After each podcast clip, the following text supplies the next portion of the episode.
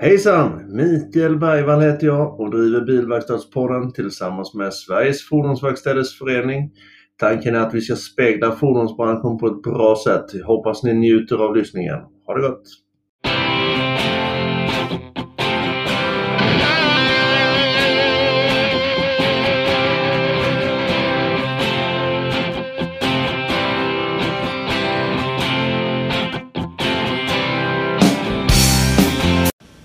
Dagens avsnitt sponsras av Wennmans Bilplåt i Uppsala AB.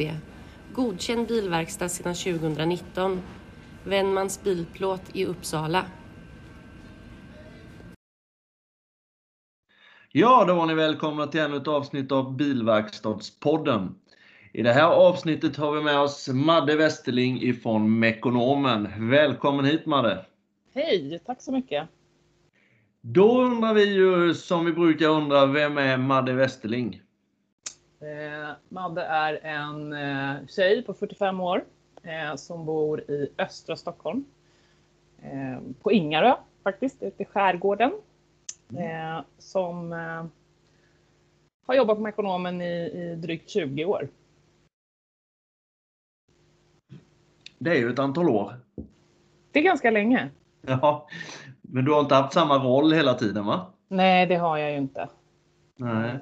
Hur, Jag började 96 faktiskt som eh, ekonomiassistent, för jag är ekonom egentligen. Ja. Eh, och eh, fick så småningom möjlighet att hoppa in som budbilschaffis, för det var någon som var sjuk. Ja. Eh, och det här gjorde att jag la egentligen alla papper och räkneapparater och allt annat åt sidan. För det var mycket, mycket roligare att vara ute och köra budbilen och träffa människor. Ja. ja.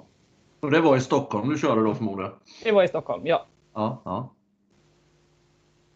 Är det inom Mekonomen Group du har varit hela tiden eller har du varit runt på eh, även och testat Meka och, och Speed och de här bitarna eller är det i Me- Mekonomen du har jobbat åt hela tiden? Eh, det är mestadels med ekonomen, men jag var faktiskt inne och nosade på Speedy ett år, precis när vi Ja. köpte Speedy. Ja. Eh, så, så var jag involverad i det.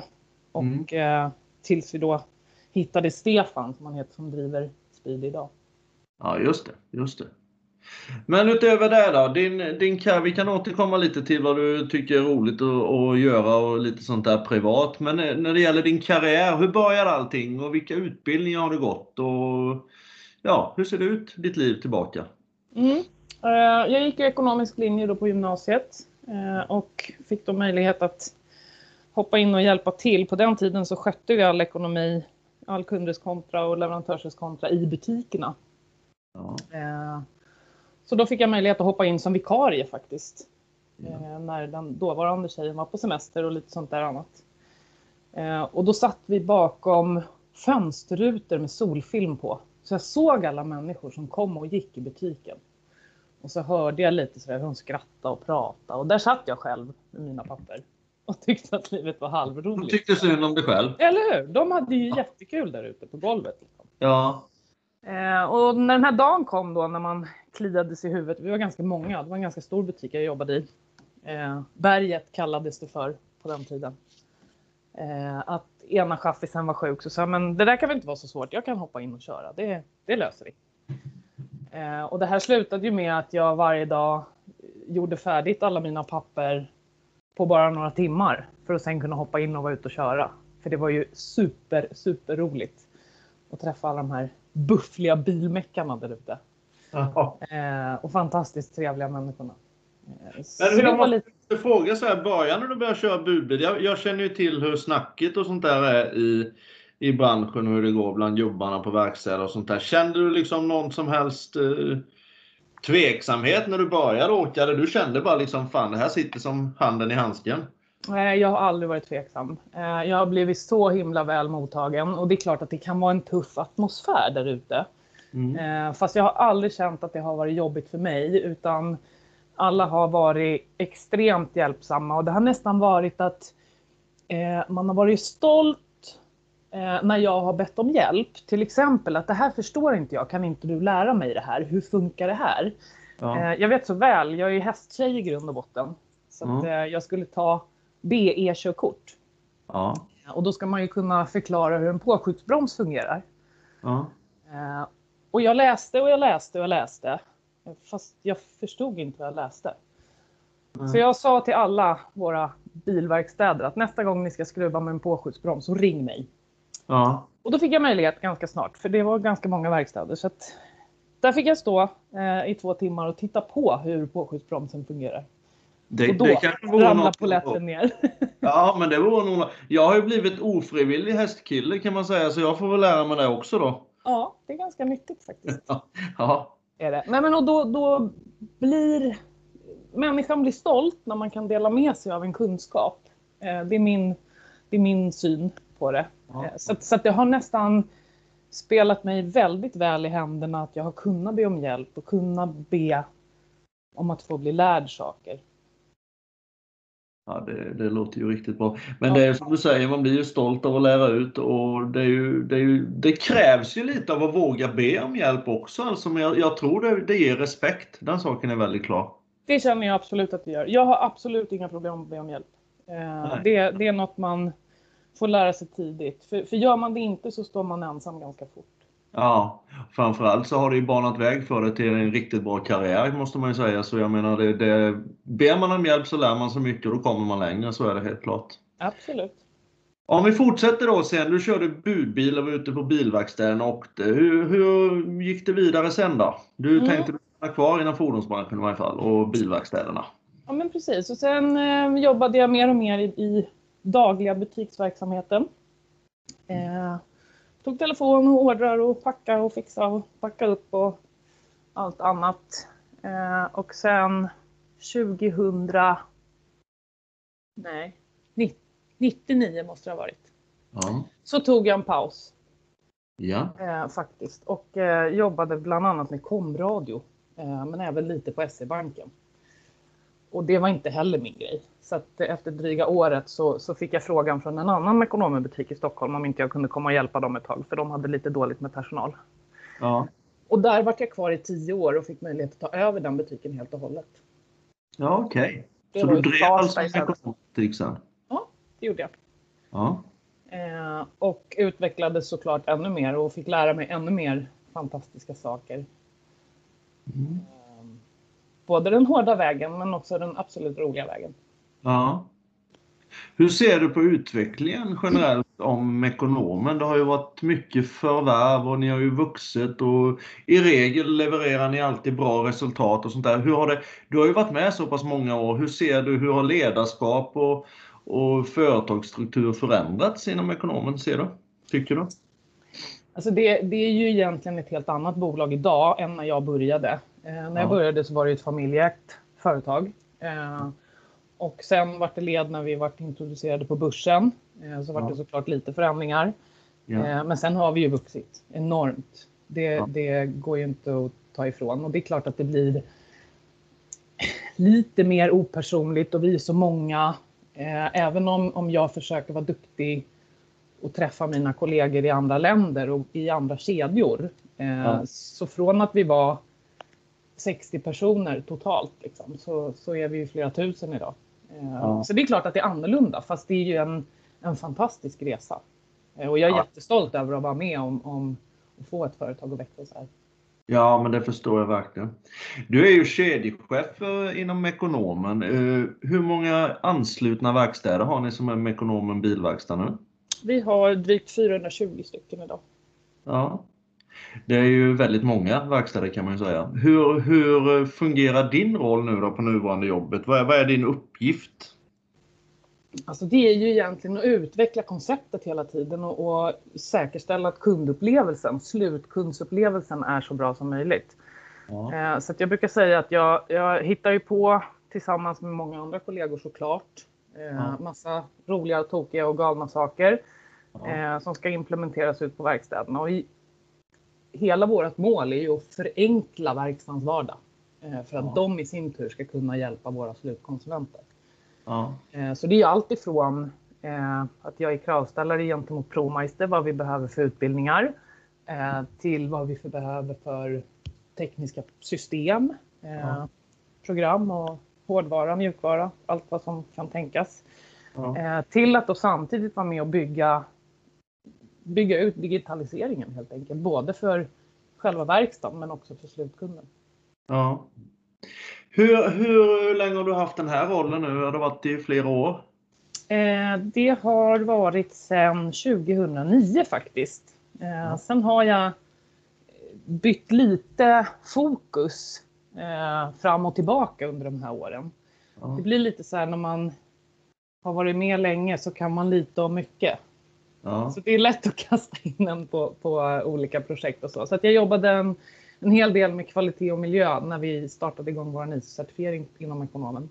Ja. Eh, ett par år. Eh, och sen eh, så kom jag tillbaka då. Det hette, vi har haft lite olika benämningar på rollen. Mm. Eh, sådär. Fast det har hela tiden varit med fokus verkstad. Så mm. jag har nog inte märkt så mycket skillnad själv, även om det skulle stå annat på, på mejlsignaturen. Nej, precis, precis. Du, jag jobbar ju och är väldigt engagerad inom SFVF. Jag har ju även själv jobbat inom Economic Group i och för sig, men nu jobbar jag ju rätt mycket åt SFVF och jag har lite funderingar på vad du, vad du anser om SFVF och varför man ska vara med, ifall du nu anser att man ska vara med SFVF. och hur du ser på den organisationen. Nej, men det är klart att vi ska vara med i SFVF. Eh, det finns inget alternativ idag som jag ser det. Vi behöver en, en branschförening som, som har muskler och möjlighet att kämpa liksom, för, våran, för våran sak. Eh, och jag tycker att vi har en bra dialog och samarbete med SFVF.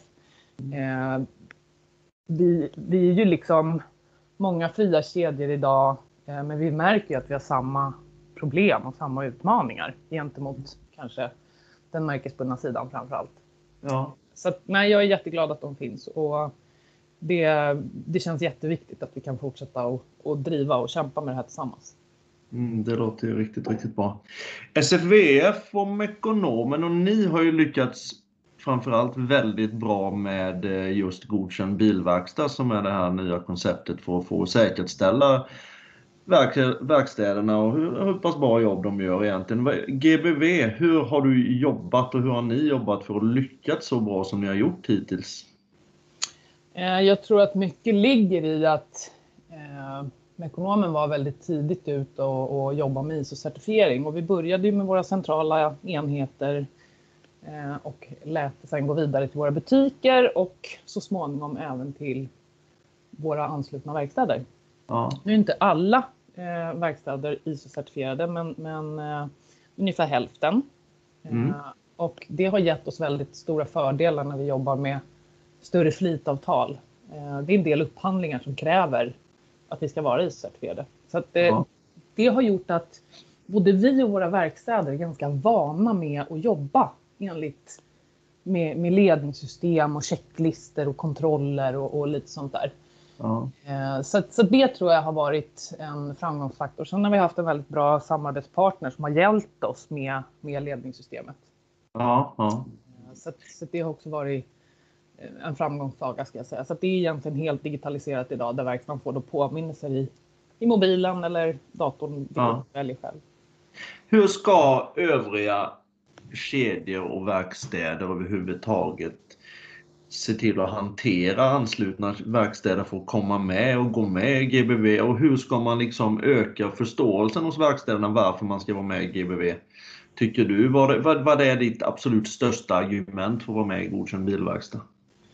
Alltså jag tycker för det första så, så behöver vi eh, få fatt på de här aktörerna som har en bristande kompetens och kvalitet som drar ner förtroendet för hela branschen. Vi vill inte hamna där eh, igen.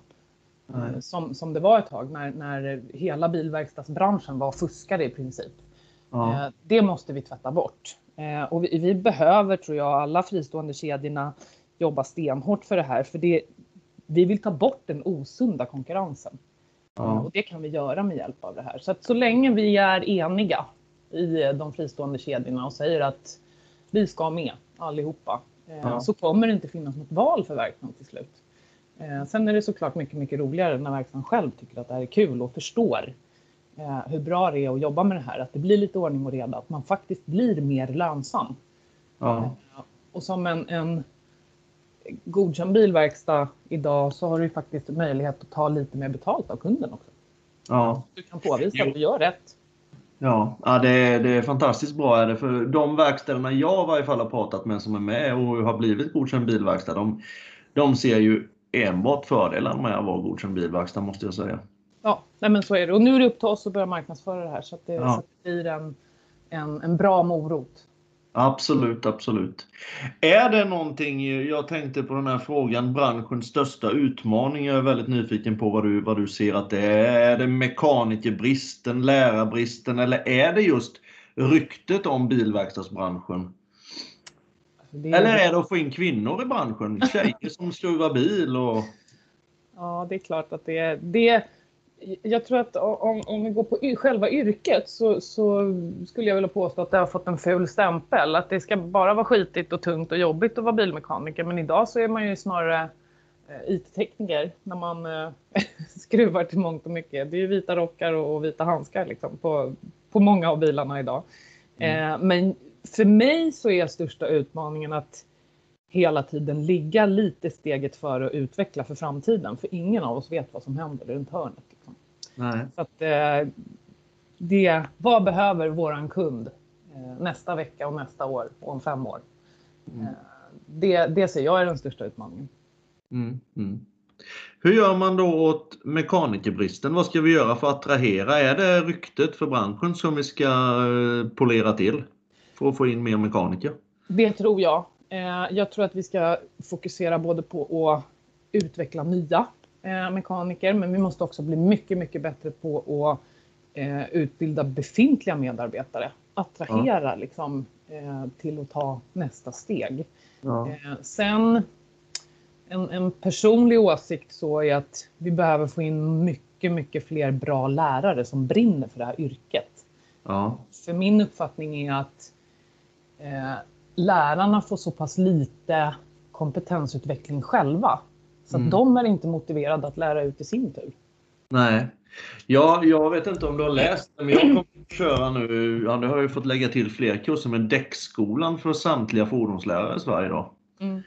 Och eh, då har man ju hört att de har liksom, tror jag, någonstans runt 1500 kronor per lärare och år och, och kompetensutveckla sig. Så det är klart att eh, det är inte många kronor alltså. Nej, det räcker inte långt. Nej. Och jag sen... tror också att hitta, hitta sätt att och liksom satsa på vuxenutbildningar. För vi hör eh, ganska ofta att man kommer på senare i livet att kanske ska skola om mig. Eh, och egentligen så finns det ingen jättebra färdig utbildning idag för någon som vid 30, 40 eller 50 års ålder bestämmer sig för att bli bilmekaniker. Nej, nej det vore ju en toppengrej ifall det kunde komma till. Helt klart. Helt klart. Hur gör man då med, vi driver bland annat ESF-projekt och de här bitarna med, med att försöka få till det och försöka få in fler tjejer som jobbar som bilmekaniker och, och även eh, folk som har kommit till Sverige som har kompetenser fast inte har möjlighet att kunna söka de här utbildningarna och de här bitarna. Hur, hur ska vi lösa den biten? Eller har du några tankar eller eh, minnen kring det? Jag tror egentligen bara att det, det, det viktigaste vi kan göra är att prata om det eh, och visa att vi verkligen välkomnar alla eh, ja. människor i vår bransch och hitta de eh, nycklarna som krävs. Vi har haft väldigt, väldiga utmaningar med eh, vi hade ju ett bra samarbete med Arbetsförmedlingen och eh, eh komvux ett tag inom ekonomen. Det var ett initiativ som vi drog igång ja. eh, med jättegoda resultat. Men där vi ser att vi brister, det är språkutbildning i fackspråket. Ja, eh, för den är inte lätt att få tag på. Nej. Att hitta någon som kan hjälpa till och utbilda i det här. Så att alternativet som vi körde var att vi byggde en del utbildningar på flera språk. Såklart inte mm. alla. Eh, men, men det har varit ett steg eh, i våran riktning. Men vi måste fortfarande få möjlighet att få hjälp att utbilda de här personerna som kommer från andra länder. Mm. Att lära sig det svenska fackspråket och det, är, det var vår största utmaning och är än idag. Ja, ja, ja det är intressant. Eh, om vi då återgår lite till dig själv nu Madde. Mm. Vad känner folk inte till om dig? Vad, vad är din eh, favoritsysselsättning när du inte jobbar med Mekonomen och vad har du för minne från uh, livet? eh, ja, minnen från livet. Jag har ganska roliga minnen. Ja. Från Mekonomen-tiden också. Ja, berätta.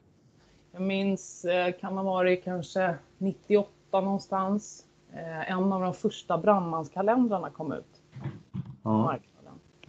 Eh, På den tiden så såg våra väggkalendrar lite annorlunda ut i Ja. verkstäderna än vad de gör idag. Så kan vi Ja. säga. Eh, Och även i våra butiker. Bak på lagret fanns det många fina Ja. kreationer. Eh, Så när den här brandmanskalendern skulle komma så sa jag till grabbarna, för det var bara grabbar jag jobbade med då, eh, att ah, en sån där ska jag ha. Jag ska sätta upp min egen kalender här. Ja. Eh, Och de skrattade, för den här kalendern tog ju slut på fyra timmar eller något. Så gick det inte att få tag i dem. Nej. Jag gick väl där och muttrade en dag. Men så var jag ute och körde budbil i alla fall och kom tillbaka. Och grabbarna ser lite trumpna ut. Säger Madde, det har varit några här och sökt dig. Jaha, säger jag. Vad var det då då? Då hade det kommit in åtta brandmän med full utrustning med stegbil och släckbil och alltihopa. Eh, och levererat en kalender till mig. Ja, det är ju riktigt, riktigt. Och du fick inte uppleva det. Jag fick inte se grabbarnas min. Det var ju jättetråkigt. Så att, eh, det är väl en sån sak. Eh, Ja. Ska vi då komma till något som jag aldrig har avslöjat. Det är att en av de här brandmännen är min farbror. Jaså? Men jag var tvungen att liksom få till något. Så, Ja. ja. Ja, men du, det är ju riktigt jävla bra. Så det är väldigt, väldigt kul.